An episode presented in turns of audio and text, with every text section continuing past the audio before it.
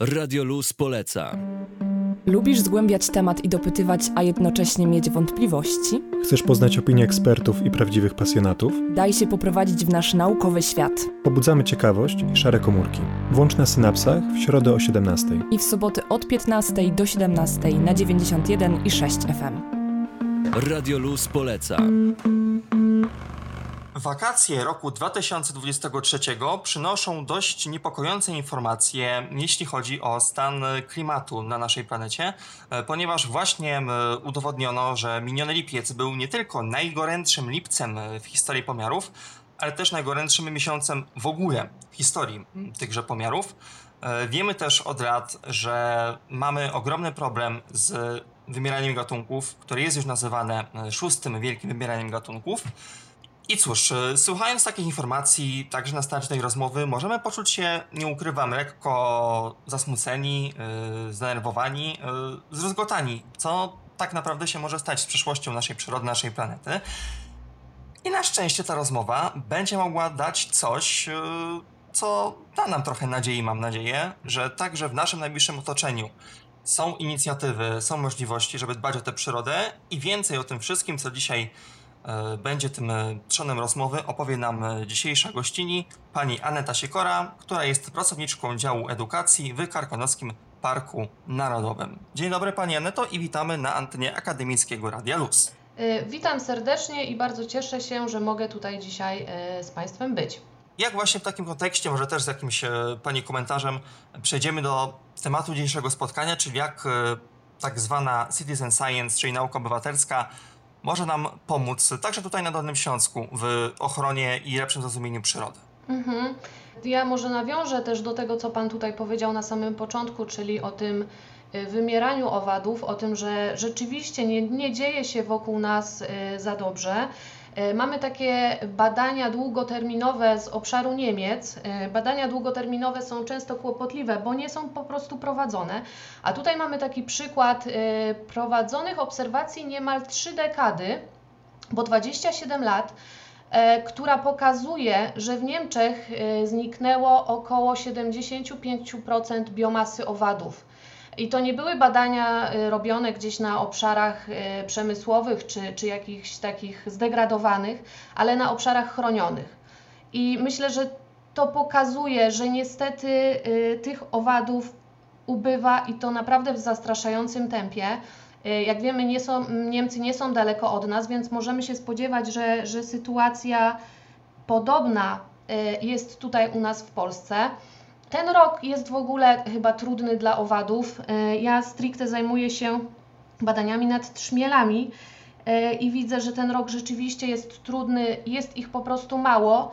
E, po jednym roku oczywiście nie można wyciągać jakichś tam drastycznych wniosków, ale, ale, ale rzeczywiście pogoda nie sprzyja. Myślę nie tylko nam, ale też właśnie owadom to, co pozytywne, to, co każdy z nas może robić, to po prostu zacząć obserwować świat wokół nas, bo to jest pierwszy krok do tego, żeby w ogóle coś pozytywnego y, zaczęło się dziać. Bo to, co przeczytamy w książkach, to nigdy nie będzie to samo, co, co, co po prostu doświadczymy. A takim dobrym, y, dobrym, dobrą możliwością jest, y, jest to, że każdy tak naprawdę może pomóc w badaniach naukowych. I tym właśnie zajmuje się dziedzina Citizen Science która jest stosunkowo e, młodą dziedziną, natomiast prężnie się rozwijającą. Jest mnóstwo ciekawych projektów, do których można się przyłączyć, nie tylko z dziedziny entomologii, czyli nie tylko poszukiwania owadów, bo e, wiem, że nie wszyscy lubią owady i w porządku. Szanujemy to, natomiast można się przyłączyć do obserwacji płazów, gadów, ptaków w przeróżnych, przeróżnych dziedzinach. Także to jest to, do czego y, dzisiaj tak naprawdę chcemy zachęcić i, i myślę troszeczkę, troszeczkę przybliżyć ten temat. Mm, pretekstem naszego dzisiejszego spotkania jest akurat y, motel. Motel, który jak y, się przyjrzymy, ma, nie ukrywam, dość uroczy wygląd. Jest przede wszystkim biały, ma też dodatkowe czarne, najczęściej ukropkowanie. I tym gatunkiem właśnie jest tutaj niepylak Apollo. Mm, co możemy powiedzieć o w sumie tym głównym bohaterze akurat dzisiejszego połączenia? E, ten właśnie bohater jest e, tak naprawdę e, wzięty pod lupę bardzo ciekawego projektu. Projekt nazywa się Live Apollo 2020, który jest szerokim projektem mającym na celu przywrócić tego motyla z terenów, gdzie po prostu wyginął. Badania, działania prowadzone są bardzo szeroko, bo chodzi o mm, hodowlę tego motyla, o przywracanie jego siedlisk, co już się zadziało w ostatnich kilku latach. No właśnie, a teraz chcemy się dowiedzieć, czy te działania prowadzone y, przede wszystkim przez Karkonoski Park Narodowy y, w porozumieniu z innymi organizacjami, czy te działania mają sens, czy motyl wypuszczany na wolność y, rzeczywiście sobie daje radę i czy, i czy po prostu czuje się dobrze w tym naszym dzisiejszym świecie. E, I do tego potrzebujemy wielu par oczu. E, Turystów, mieszkańców e, Sudetów, którzy jeśli spotkają niepylaka Apollo, mogą mu zrobić zdjęcie i tym samym przyłączyć się właśnie do obserwacji rozmieszczenia tego, tego motyla w Sudetach. Możemy powiedzieć coś więcej, jakie mamy obecnie no właśnie weryfikowane oczekiwania na temat właśnie występowania tego niepylaka i też może powiedzmy nieco więcej konkretnie, gdzie najczęściej powinniśmy zwracać uwagę właśnie w rejonie Sudetów na jego występowanie. Mhm. E, No to tutaj w rejonie, w rejonie Karkonoszy, gdzie prowadzone są, e, prowadzone są mm, działania reintrodukcji, czyli ponownego wprowadzenia motyla na tereny, gdzie on kiedyś występował, ale też Sudety Środkowe i rezerwat Kruczy Kamień, gdzie też e, te motyle są wypuszczane, więc e, będąc w tych miejscach rzeczywiście warto się przyglądać, czy, czy gdzieś nie jesteśmy w stanie zauważyć tego motyla. Naszą akcję nazwaliśmy Gdzie jest duży biały motyl, ze względu na to, że e, ten motyl jest to przedstawiciel jednych z największych e, motyli w Polsce. Do tego jest bardzo łatwo rozpoznawalny, chociażby przez to, że e, porusza się bardzo wolno na kwiatach. Mówimy tutaj oczywiście o, o e, formie dorosłej, czyli, e, czyli motyla.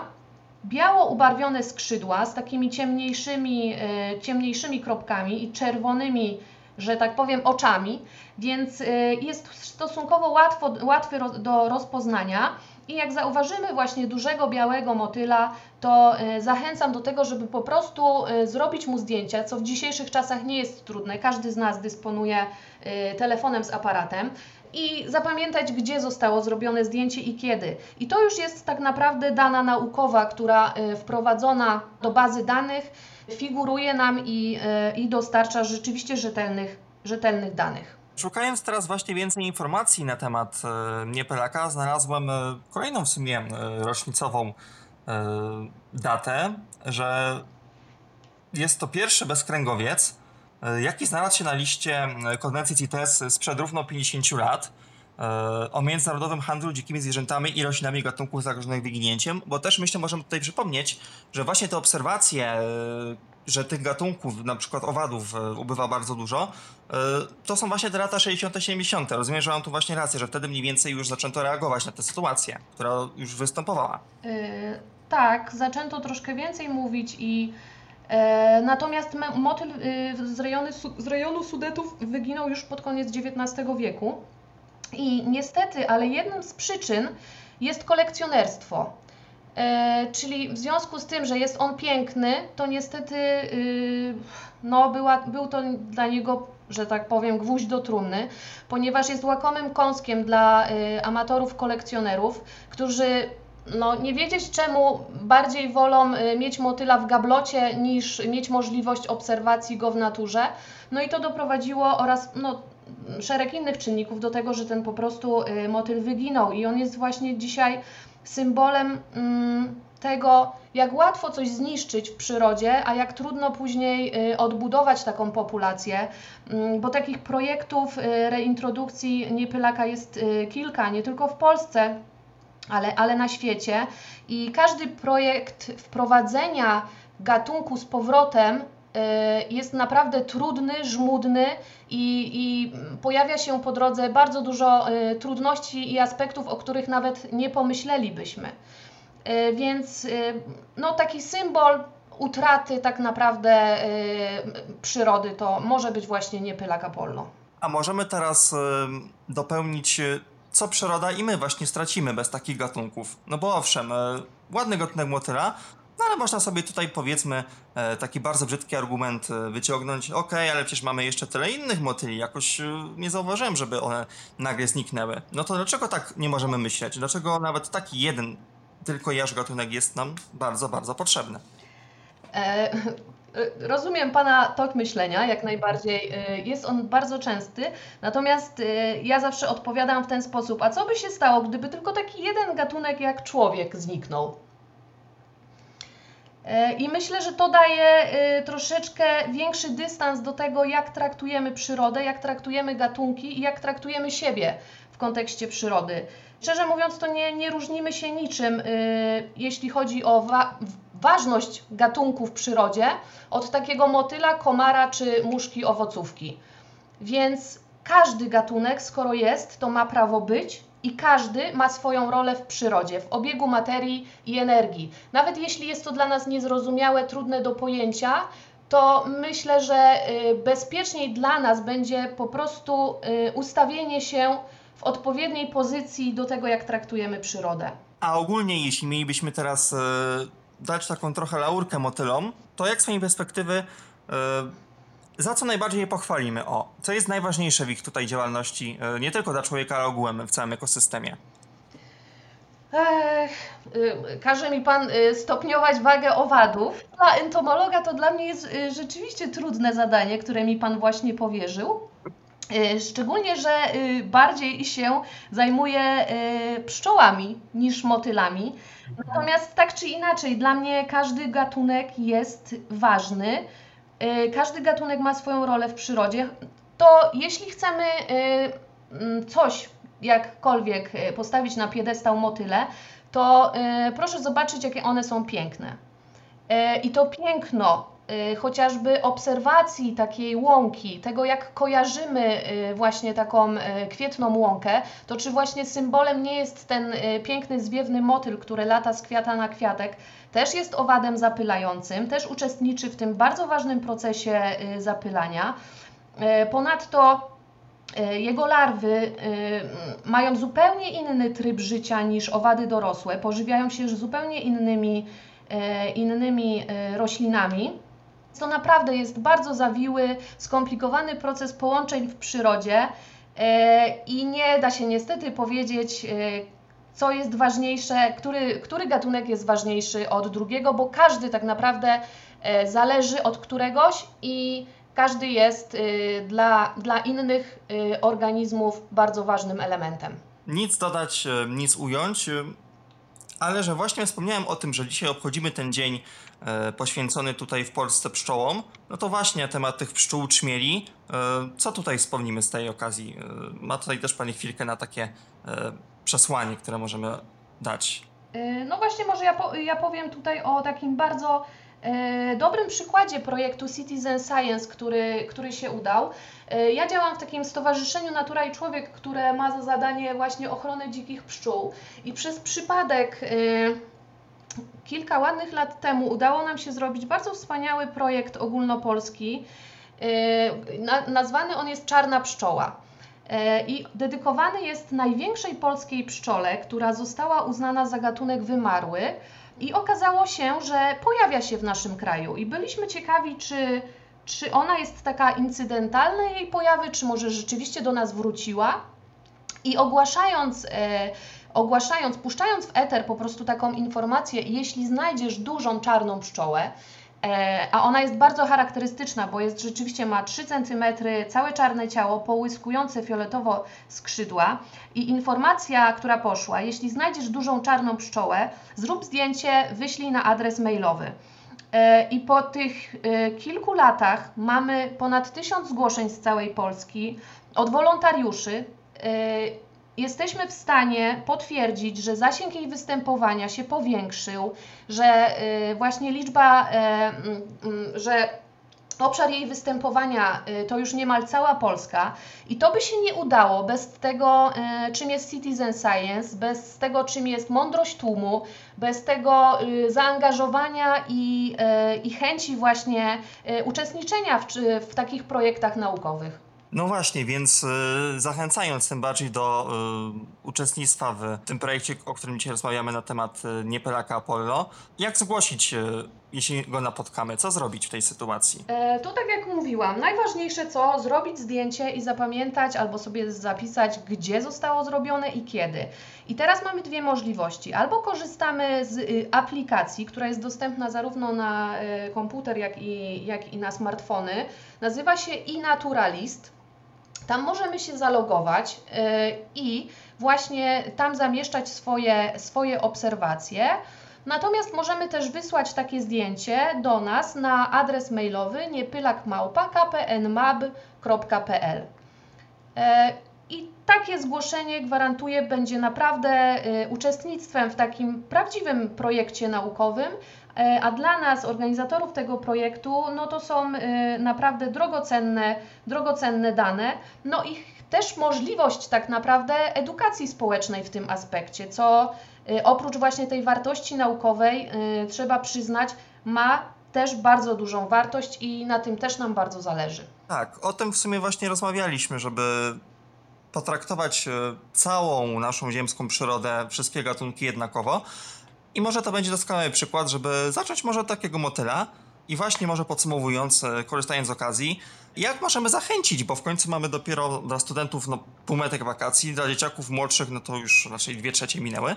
Em, ale panie, no to jak zachęcimy właśnie do odwiedzin Sudet? No bo oczywiście nagrywamy to z myślą o Radiu Wrocławskim, ale mamy jeszcze czas, żeby w ten teren, czy na przykład w góry się wybrać, więc dlaczego warto na przykład teraz w sierpniu, czy jeszcze we wrześniu się wybrać właśnie w okolice Karkonoskiego Parku Narodowego? Ja powiem więcej, warto się wybrać do nas. E, I myślę, że, że, że tutaj nam turystów nie brakuje, ale ja bym tutaj e, właśnie apelowała o takie świadome wybieranie się w nasze rejony, o to, żeby przyjechać tutaj z pewną myślą właśnie, albo e, tego, że jesteśmy w rejonie naprawdę wyjątkowo przyrodniczym, że możemy obcować z tą przyrodą na takiej troszeczkę innej skali. I, I właśnie być może wziąć sobie za cel, że będę bardziej, bardziej y, uważny czy uważna na tej swojej wycieczce y, trekkingowej, że, że będę się przyglądać, co lata na kwiatkach, e, co te owady tak naprawdę tam szukają, jak, w jaki sposób one się zachowują. Y, I gwarantuję, że taka wycieczka będzie nie tylko y, miłym spędzeniem czasu, nie tylko rozrywką y, i zdrowiem, ale także poszerzeniem naszych horyzontów i kto wie, być może sami siebie zaskoczymy, jak bardzo ta przyroda nas zafascynuje. I mam nadzieję, że z takimi przede wszystkim wspomnieniami nasze kolejne wizyty mm, będą się w rejonie Sudetów odbywać, ale także nasza lokalna wrocławska przyroda też istnieje, też nieraz o niej mówiliśmy na naszej antenie, jest tak samo ważna, prawda, bo też nie ma tutaj podziałów na miejską, wiejską, na otwartej przestrzeni przyrodę, bo to jest wszystko jedną przyrodą. Nie będziemy tego oczywiście tutaj podważać. No i podsumowując już finalnie, dziękuję bardzo za to nasze spotkanie i jeszcze raz przypomnę na koniec, żeby tutaj te informacje nie umknęły. Będziemy poszukiwać e, tak zwanego białego motyla, niepylaka Apollo. Mm, I te informacje, które mamy zgłosić, właśnie podajemy albo do Karkonoskiego Parku Narodowego. E, Ten adres mailowy może jeszcze przytoczę. Niepylak małpa kpnmab.pl To się zgadza? Dokładnie.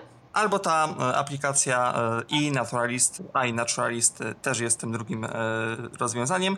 A więcej informacji o projekcie znajdziemy też wyszukując hasło Live Apollo 2020. To też będzie kolejne źródło informacji. Sprawdziłem, jak najbardziej jest tam bardzo ciekawie to wszystko opisane.